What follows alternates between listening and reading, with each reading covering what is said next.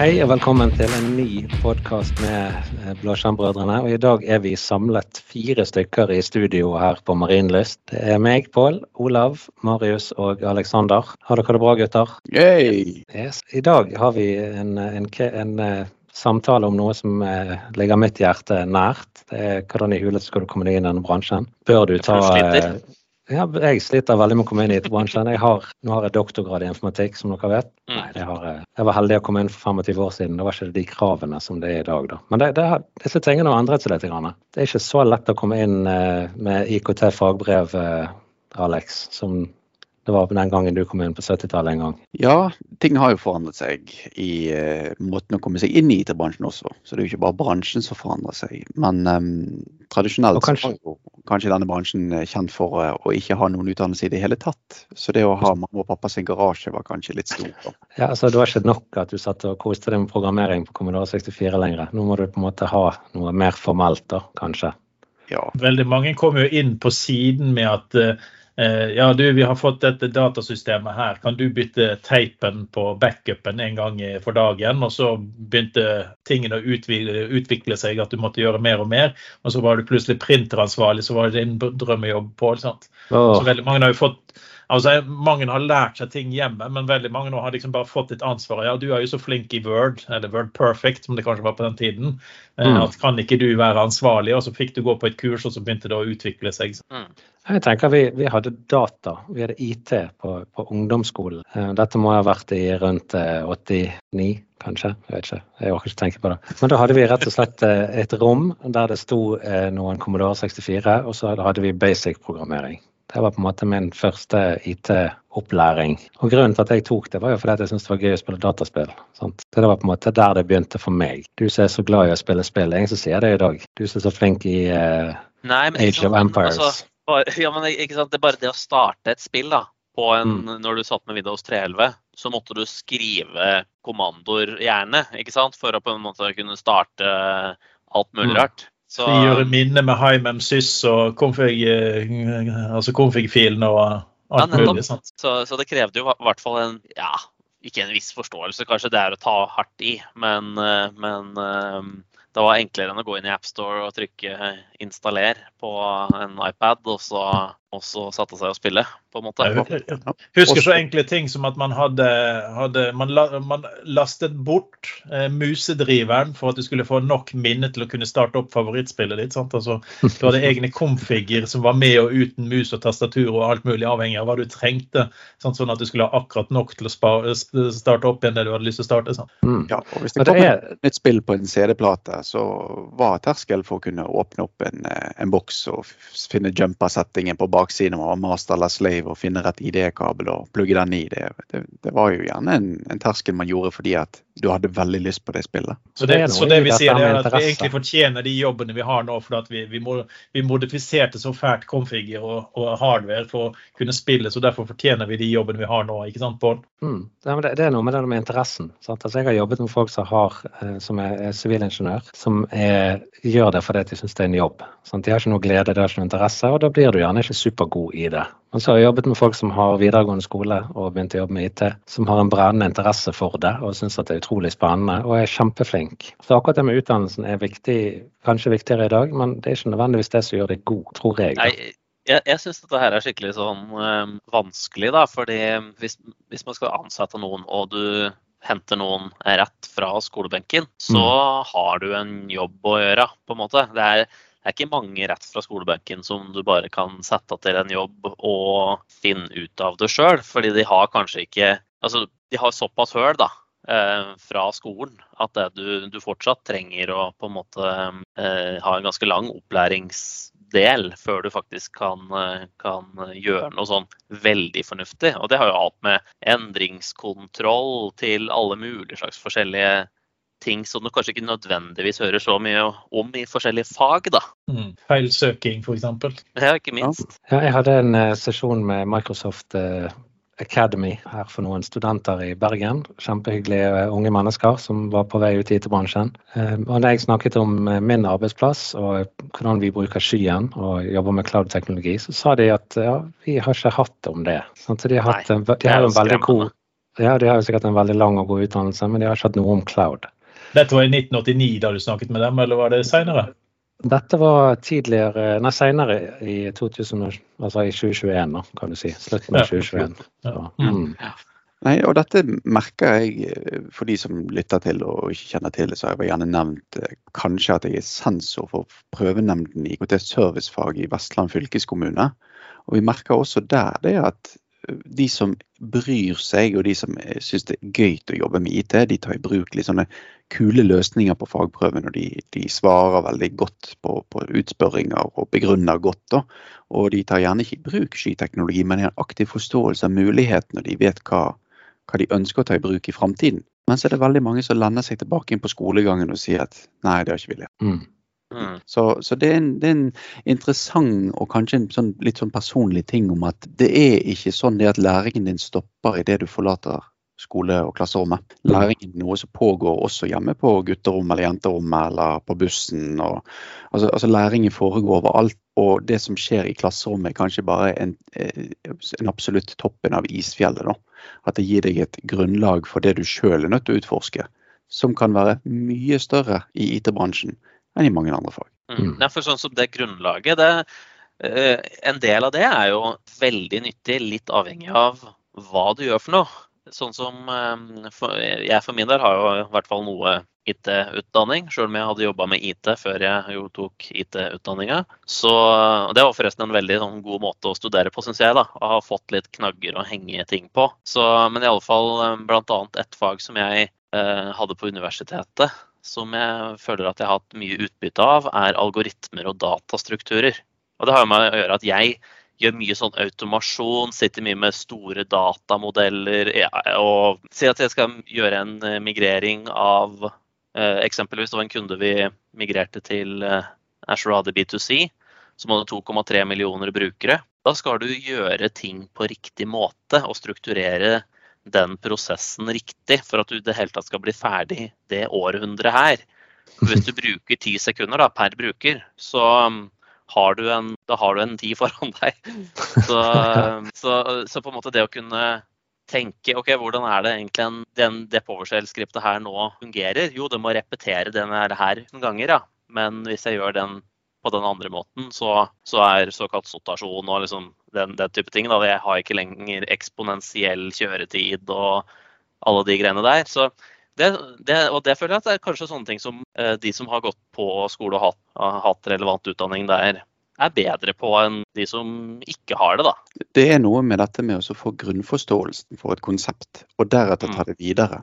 Um, akkurat som, som, du sa, Marius, så hadde jo jeg eh, mye IT-kunnskap før jeg begynte å studere. I en alder av 26 tok jeg da informasjonsvitenskap, og hadde jo da arbeidet i IT-bransjen egentlig en, si, en halv mannsalder allerede med å krangle med tape, backuper og printere, sånn som Olav sier. Men det som jeg så, var det at den grunnkunnskapen med å forstå løkker og kode, algoritmer og datastrukturer, den tok jeg videre privat. Så jeg har jo aldri lagd så mange kule Excel-ark for å gjøre hverdagslivet mitt bedre, fordi at jeg nå forstår hvordan jeg kan løse hverdagsutfordringer med Excel og dataalgoritmer. Så følger den broen du fikk der.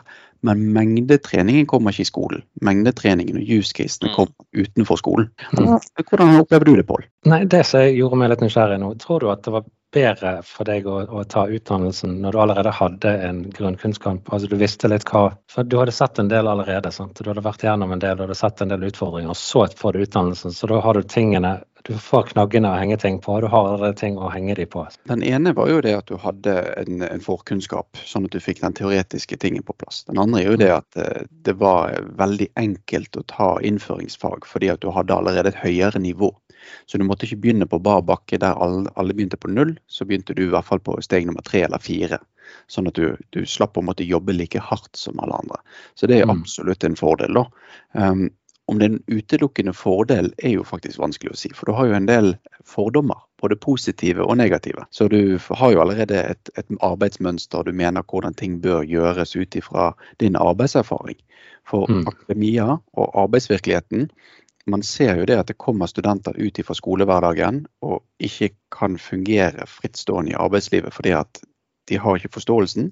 Samtidig så blir det veldig vanskelig å komme fra arbeidslivet og bli begrenset av akademia. For det at, eh, som du sa, Marius, jeg har aldri benyttet meg av stor O-notasjon i arbeidslivet, men det var kjempeviktig på eksamen. Jo, men, ja, men eh, kanskje ikke direkte stor O-notasjon, men det å vite litt sånn OK, skal jeg gjøre den type søk, eller skal jeg strukturere strukturere dataene på en annen måte som kanskje er mer effektivt i det tilfellet her. Det kan i hvert fall være veldig nyttig der. Men eh, jeg har ikke brukt storo-notasjon direkte, jeg heller.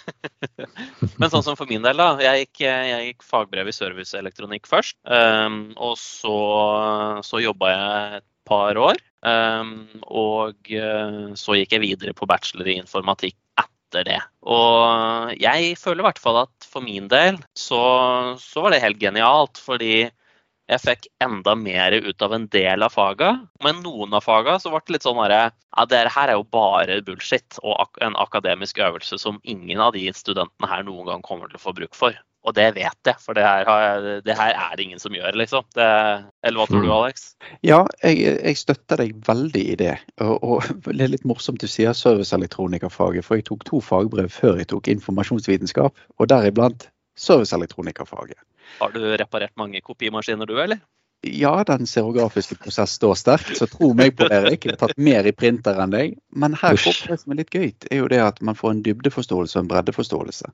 Så man forstår hvordan faktisk prosessoren virker, minnet, og hvordan man da kan kode mest mulig effektivt. Og noe av det som jeg gjorde tilbake til 2003, når jeg tok fagbrev, var jo å kode i assembler. Så man tar på ting man ikke tar på, på universitet, fordi at man løfter seg så utrolig mye lenger bort på et akademisk nivå, istedenfor å forstå hvordan det faktisk fungerer på et maskinvare- og komponentnivå. Så jeg lurer litt over printer, eh, på, på, på Erik Printer, tror jeg vi skal kalle det for noe framover. Ikke gjør det. La oss ikke gjøre det. Ja. Print-Erik! jeg, jeg, lurer jo litt på dette med altså, er det mulig nå å gå, ta dette fagbrevet f.eks.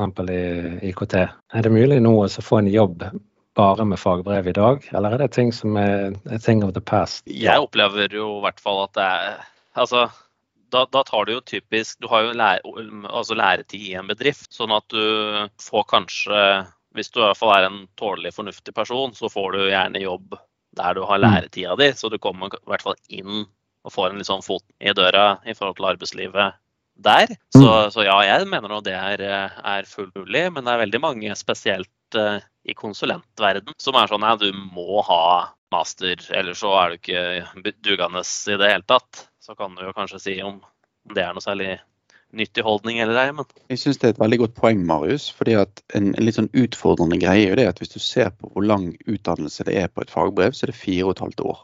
Eh, du har x antall år skole, og så har du x antall år med, med, læretid. Og en bachelorgrad er egentlig ikke betydelig lenger når du tar videregående og bachelor sammen for det er seks år. Så lønnsdifferansen er en interessant ting at mange velger bort fagbrev pga. lønn. Den andre er jo det at det faglige dybden gjerne er bedre i et fagbrev.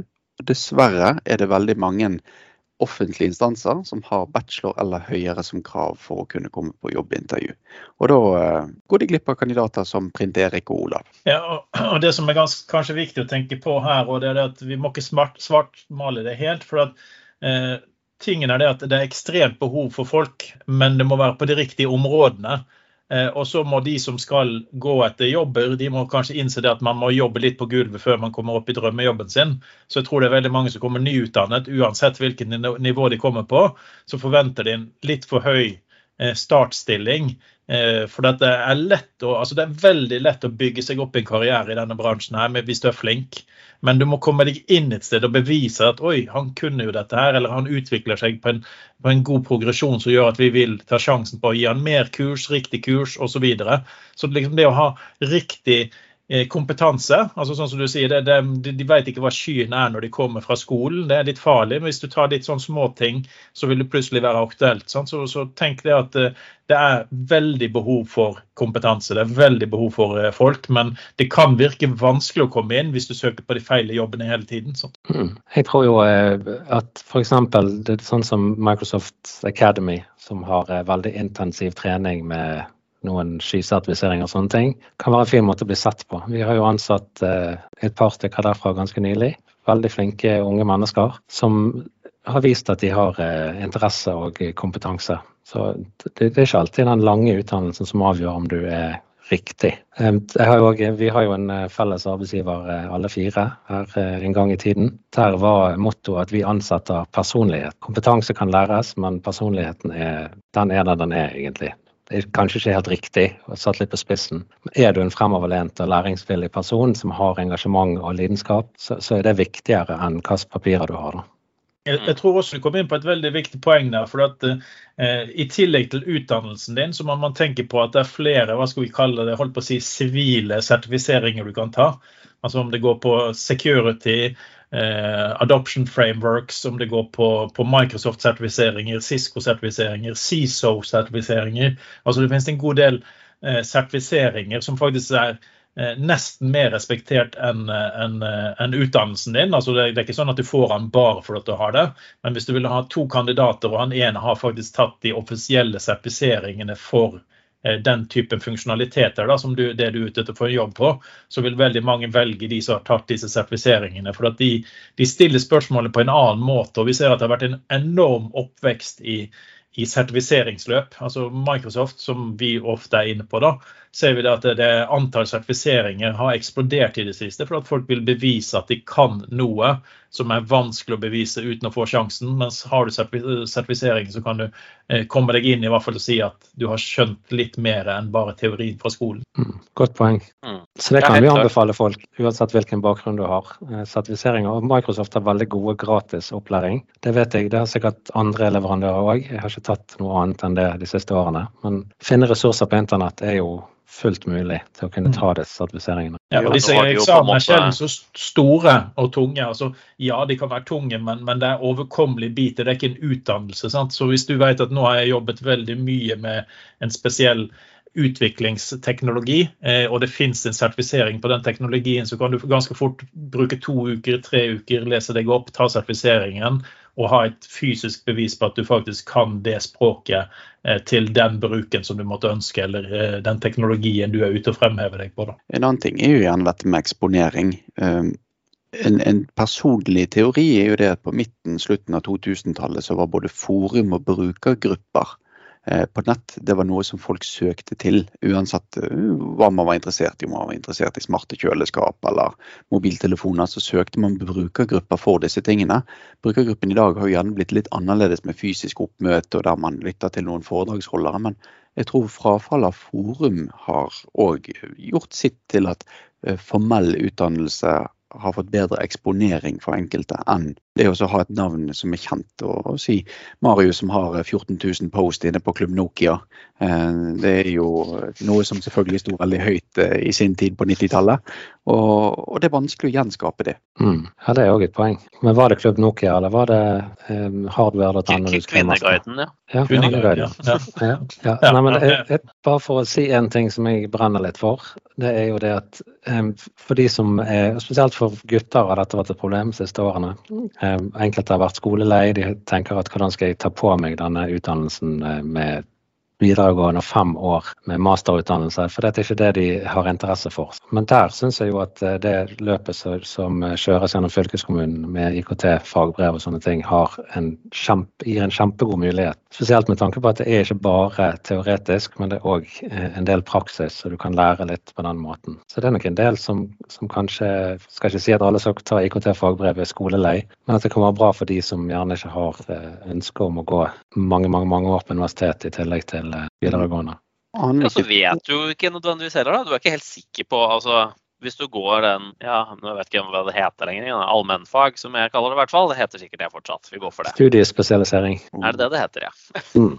så, så etter tre år der, så har du på en måte ingenting, ikke sant. Du må videre og studere. Og hvis du ikke er helt sikker på om du har den motivasjonen, så, så kan det jo være lurere å gå, gå fagbrevveien. Da har du i hvert fall noe. Og så mm. kan du i så fall eh, f.eks. da ta igjen de faga du trenger for å komme inn på universitetet og, og, sånne ting, hvis du finner ut at det er noe jeg faktisk ønsker.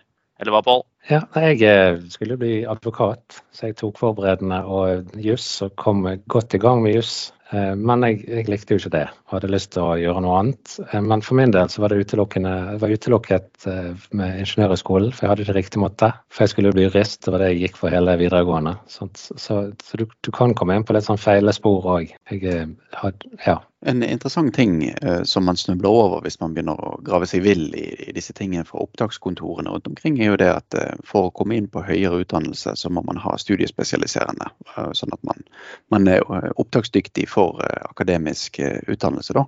Det finnes noen unntak om sånn realkompetanse, men da må du ha arbeidet i, i bransjen en stund. Da, og det var den måten jeg kom inn på på informasjonsvitenskap. Sånn at eh, de så basert på min yrkeskarriere og at jeg hadde fagbrev og at jeg jobbet med relevant arbeid, så kom jeg inn på universitetet uten studiespesialisering. Så det gjorde jo hele mitt løp lettere. Men her kommer det for de som er bekymret og ønsker å ha studiespesialisering. For de som hørte det Print Erik eh, sa, så har jeg tatt noe psykologi også. Ikke la det bli en ting nå, Alex. Vær så snill. Jeg vil ikke hete Print Erik.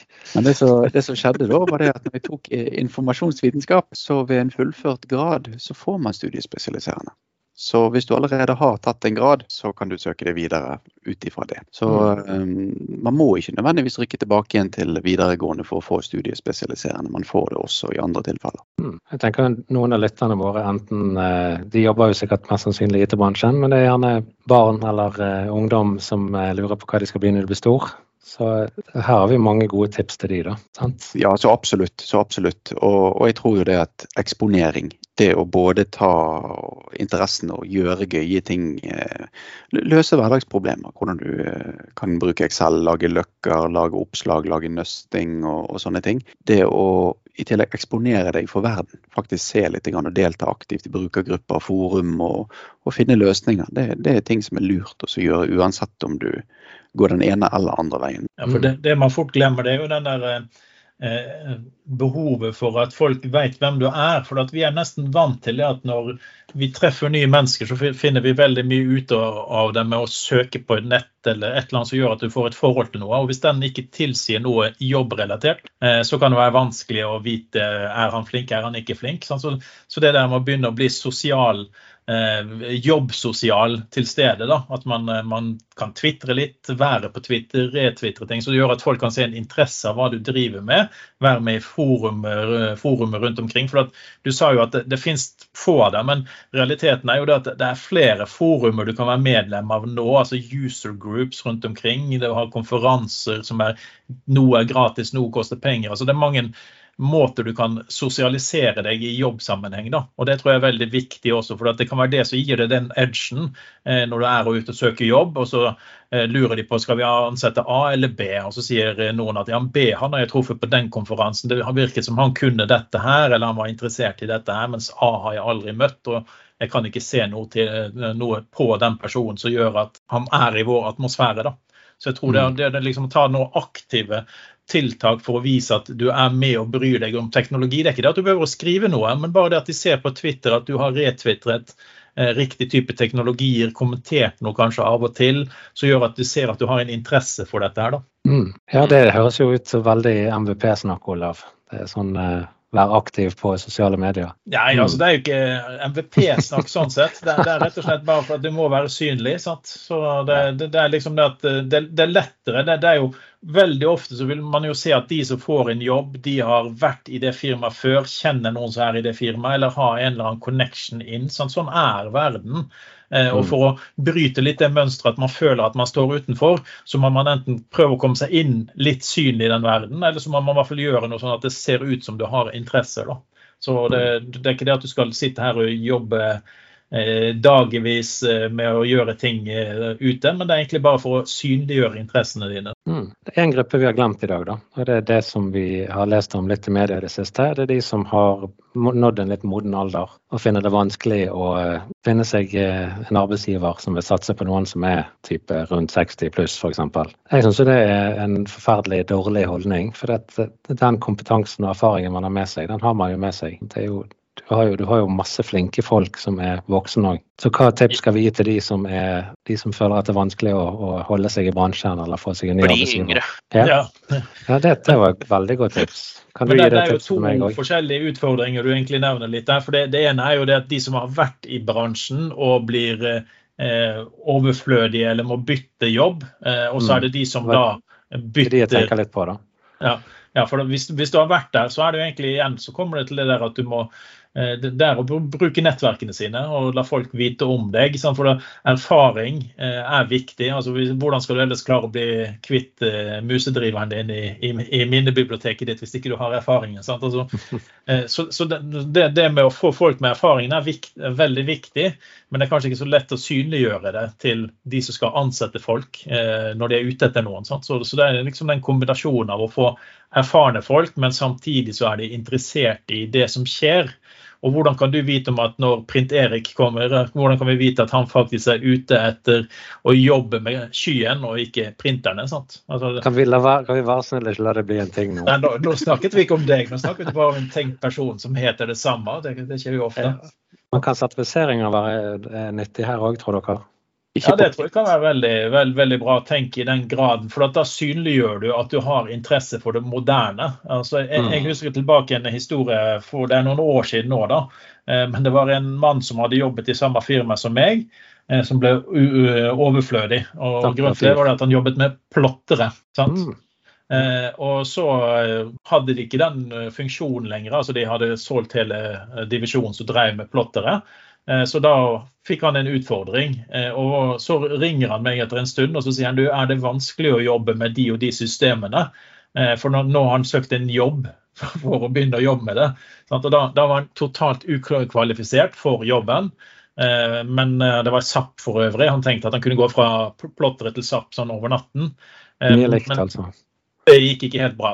Men det han kunne ha gjort, det er jo å få tatt en sertifisering som viser at han faktisk Det kunne jo hende at han kunne noe med SAP, men det var ingenting i historikken hans som tilsier at han kunne noe med SAP. Så derfor er det veldig godt poeng det med å ta sertifisering for å synliggjøre deg. da. Mm. Ja, for det er jo en, det er en tendens til at når folk har store sånne runder med utfasing av medarbeidere, så er det gjerne en del av de som er voksen, godt voksen, som, som faller ut og på en måte blir stående som Ja, de har gjerne vært i samme firma i titalls år, og så plutselig er de på arbeidsmarkedet igjen. Og Det å da sette seg ned og så bruke tiden til å ta de eh, relevante sertifiseringene, det tror jeg er kjempenyttig. Mm. Mm. Altså, Du må jo ha en verdi for firmaet uansett. Sant? og det er det som er tingen. Du må sørge for at du ikke blir utdatert underveis, sånn at du holder oppe interessen din og videreutvikler kompetansen din mens du jobber de 20-30 årene i et firma, som gjør at mm. de faktisk trenger deg. Sånn, at, sånn som med plotter-tilfellet mitt, at du plutselig ikke er noen bruk for deg i firmaet i det hele tatt. Så, så, det er lettere å holde seg litt oppdatert hele tiden og sørge for at man er relevant, enn å mm. plutselig skulle gå fra, fra plotter til SAP over natten. sant? Du er jo dypt tungt sertifisert i Telefax. Har det hjulpet deg i arbeidslivet, syns du? Ja, jeg får stadig vekk eh, spørsmål om vaccination, som var en fantastisk telefaksløsning. Ja, det har jo også litt tilbake til dette med interessen. fordi at Hvis du jobber med plottere, og du er interessert og bryr deg, så vil du bruke fritiden din på andre ting som gjerne er relevant til det utover dette, så du syns det er gøy å ta i mer enn bare plottere. Mm. Ja, vi kommer tilbake til interesse, altså. Det tror jeg gjelder eh, som utrolig viktig. Ja, det er jo med IT som med fotball og mye annet også. Er, du blir en god fotballspiller på å trene, trene 20-30 timer for uken, men du blir ikke en fantastisk før du virkelig bor på fotballbanen. Mm. Ja, jeg prøvde å bo på en fotballbane, men jeg ble ikke noe flinkere av den grunn. Spilte ikke fotball da jeg bodde der heller, da, men det var på et telt. Så... Det er mange grunner til at du aldri ble fotballspiller, Olav. Det, men det er en av de. Det er en av dem. Det er hovedgrunnen. La oss si det. Ja, vi kan godt si det. Ja. Mm. Men, men, det er egentlig litt spennende å tenke hva skal man, eh, hvordan skal man planlegge karrieren sin? For det er vel kanskje en del av dette her òg. Eh, for det går vi tilbake i tid, så var det mer normalen at man jobbet gjerne i denne bransjen, IT-bransjen, i 15-20 år. Og så gikk man da over i en ledelsesstilling eller noe annet som gjorde at man slapp presset. da. For det, det, vel, altså det, det, er fortsatt et relativt høyt press i bransjen, men samtidig så har bransjen blitt mer eh, delt, sånn at man har flere muligheter til å kanskje gå ned. Altså, er du konsulent til du blir pensjonert, så er du ganske sliten.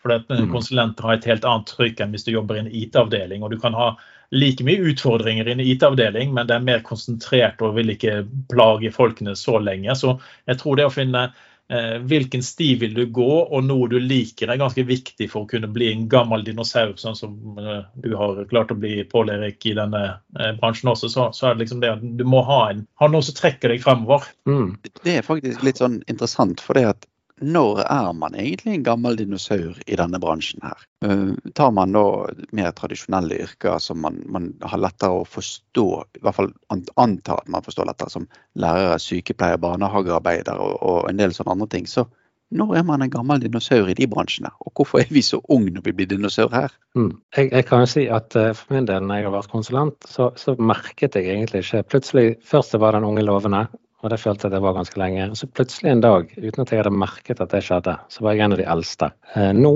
så er jeg eh, omgitt av folk som har vært i bransjen eh, like lenge som meg, og kanskje lengre. Så, så, det varierer litt på hvor du er og hva du driver med. Men, men det som jeg vil ta tak i, som jeg òg syns er utrolig bra, og det er kanskje det viktigste vi har sagt her i dag, det er dette med stay relevant hele tiden. Bruk, mm. ikke bare sitte ned og slappe av og tenke at jeg kan jo Windows Server 2003, så hva, hvorfor skal jeg lære meg noe nytt, liksom. Ja, det er ikke en skippertakbransje, rett og slett? Nei.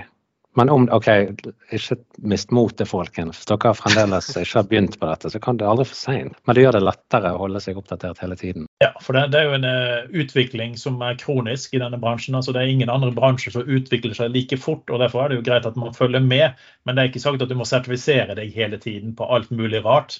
Det er bare det å kunne være, uh, følge litt med og vite hva som skjer. Og så ser jeg det kanskje noe jeg burde tatt en ekstra titt på i ny og ne. Et godt poeng er jo da det Marius nevnte. Det å så både ha tatt på det før du gikk på skolebenken, gjorde det at du plasserte de tingene som du ble matet på i undervisningen lettere. Samtidig så det å forstå disse grunnmekanismene som de snakker om, det mm. gjør det at du klarer å, å holde deg relevant mye lengre fordi at du forstår grunnprinsippene. Mm. Så det er en ting som gjerne går hånd i hånd. Jeg tror kanskje vi skal ta, hive ut et, eh, et lite stikk til arbeidsgiver også i denne sammenhengen her. Eh, for jeg tror det er veldig mye arbeidsgiver sin plikt som forsvinner i mange sammenhenger også. Og da ser jeg sånn, Hos oss på Sparebanken Vest så har vi eh, læredag en dag i måneden hvor vi skal lære ting. og det er det du skal gjøre. Du skal ikke jobbe, du skal lære noe. Mm. Eh, og vi har også internkonferanse en gang i året, som vi har da interne folk som lærer opp de andre. Så vi fokuserer ganske mye på den opplæringsprosessen. Eh, og Det tror jeg er veldig viktig for en arbeidsgiver å tenke på det, at eh, du vil gjerne at dine ansatte skal være flink, og For å bli flink så må du tilrettelegge det at de kan få gå på kurs, de kan kanskje gå på konferanser eller hva det måtte være, som gjør at de får muligheten til å videreutvikle seg uten at de føler at de må sitte på kvelden og gjøre dette hele tiden. Du påpeker faktisk eh, arbeidsmiljøloven paragraf 4-2, krav til tilrettelegging, medvirkning og utvikling. Mm. Så dette er jo noe man, man egentlig ser veldig nødvendig i IT-bransjen, for man blir fort litt dinosaur. Kan man Windows Server 28, så føler man det at det var et stort løft man gjorde. Men det er jo faktisk nå 14 år siden. Mm. Eh, så det er på tide å løfte seg igjen på nytt. Og man kan jo velge om man vil ta skippertak når man skal gjøre store nyimplementeringer, eller man tar det jevnlig med en læredag, som du påpeker, Olav. Men læremengden den eh, er den samme. Mm. Er det mange firmaer som er redd for å sende ansatte på kurs en hel uke? For det er en uke uten fakturering eller en uke uten at du får gjort den jobben på den printeren du holder på med, eller hva det er. Og så ser de på det som en kjempeutgift, og så, så, så mister de allikevel eh, nyttig og verdifull kompetanse over tid. Mm. Det er jo den klassiske. Du, du, vil ikke sende folk på, på kurs eh, for at da slutter de og begynner andre steder, men eh, du vil jo i hvert fall ikke at du ikke sender dem på kurs og de blir værende, for da kan du ingenting. sant? Altså, mm. det er liksom den der balansen der. og jeg mener at Du må jo sørge for mm. at arbeidsplassen er i seg selv attraktiv nok til at du har lyst til å være der. Bare fordi du har lært litt mer, så betyr det ikke at du har lyst til å slutte. Altså, du har et helt annet problem hvis det er det som er utgangspunktet ditt. da. Mm. Ikke bare det, men hvis du f.eks. skal ta i bruk et nytt system, og det trenger ikke engang være et nytt IT-system, men si at, uh, si at, produksjonsgjengen skal ha et nytt ERP-system, eller HR-avdelingen og lønnsavdelingen skal ha noe nytt, og du må, må ha en omstilling som IT-medarbeider, så er det spesifisert også at under omstillingsprosesser som medfører endring av arbeidstakernes situasjon, så skal man også ha medvirkning og kompetanseutvikling som er nødvendig. Så det er liksom veldig godt ivaretatt her. da. Og så er det lett å si hvordan loven sier det, og hvordan man praktiserer det i hverdagen. For vi har jo alle jobbet på en IT-avdeling Og vi har blitt litt nedsnødd alle sammen. Indeed. Ja, men dette var jo eh, masse gode råd. Um, er det noe vi har lyst til å uh, påstå har gått veldig bra for oss i vår uh, tid i IT-bransjen? Har vi holdt oss oppdatert, folkens? Dere, har dere sertifiseringene på plass? Har du MCS 4.0 inne, Olav? Altså, NT 4.0 er der, og Windows 95 og 98 er der. Sant? Til og med 2000, sånn, så jeg, jeg tror ikke jeg trenger noe mer ennå. Nei, jeg tror du er ferdig med sertifiseringen din da. Ja, Min første var 98, så jeg var litt senere. Ja. Ja. Men nyeste er på security and compliance. Vi er, jeg har prøvd å holde meg litt flytende. Skal ikke si at det var syv år mellom den nyeste og den nest nyeste. Trenger ikke vi ta opp. Det trenger vi ikke nevne. Nei, det trenger ingen å vite. Og bare sånn for de som lytter, vær så snill, ikke kall meg Printer-Pål. Det, jeg vil ikke ha, det skal ikke bli en ting. Print-Erik, Pål-Erik Printer Ja, nei, mye fint her. Så vær så snill. Si de som ikke har fulgt med lenge, så er det grunnen til at de syns dette er så vittig, det er fordi at jeg avskyr printere. Det har ingenting med IT å gjøre. Det er forferdelige oppfinnelser som eh, aldri burde vært laget. Den psykologigreiene du hadde gått på, Alexander, har du noe du ville sagt til det der utbruddet til Pål her med printer? Ser du noe traumatisk i dette her i det hele tatt? PTSD heter det. Ja, det er også en mindre kjent printprotokoll som heter PTSD. Finnes kun, uh, har blitt implementert én gang med mislykket, resultat mislykket resultater på Lerik. Så ja, mm. nei, nei absolutt. Uh, det, det, det, er essensielt å ivareta medarbeiderne og sørge for det til et godt læremiljø, og ikke bare et arbeidsmiljø det tror jeg man egentlig kan oppsummere litt sånn psykologi, da, hvis man skal ta det for den. Mm. Jeg har òg hatt nytte av å eh, gi folk ansvar, f.eks. Eh, hvis meg og deg hadde jobbet sammen, Alex, så kunne jeg sagt du, har du lyst til å kjøre en sesjon på uh, data loss prevention om en måned? Og så sitter du deg ned og så lærer du deg dette produktet ut og inn, og så kjører du en sesjon for de andre. For da har du fått to fluer i en smekk. Du får satt deg dypt inn i et produkt, og du får lært opp de rundt deg. Det, det har jeg litt uh, det har jeg gode erfaringer med. Absolutt. Så da tar du Dataless Prevention om en måned, er det du sier? Ja da. Ja, flott. Jeg, jeg kan ta fotballskolen. Ja. Mm. ja. Kan du offside-regel, Olav? Hvilken side sa du? den grønne. Ja, OK, den grønne siden kan jeg. Ja. ja. Jeg er aldri sikker på hva som er on og off av disse sidene. Ja, det er akkurat det. Ja. Jeg er jo egentlig litt nysgjerrig og tror kanskje vi nærmest kan runde litt av på dette. da, Men hva er det våre lyttere har av erfaring og synspunkt og, og spørsmål rundt denne tematikken? Både dette med å utdanne seg, komme seg inn i bransjen, komme seg ut av bransjen. Og, og, og kanskje rett og slett holde seg oppdatert i bransjen. Så det, det er liksom ting som jeg syns er litt interessant å høre hva erfaringer og spørsmål våre lyttere har. Mm noen gode tips og triks til de som har vært igjennom eh, forskjellige typer opplevelser. Det setter vi alltid pris på. Mm. Og som alltid, lik, del og følg. Ja, det setter vi enorm pris på. Jeg mener vi skulle hatt følg, del og lik. Ja, er okay. ja det, jeg liker begge deler. Vi skal, vi skal, ikke være kritiske, bare de gjør alt. Det går. bra. Ja, da sier vi takk for nå, da. Takk, takk for nå. oss.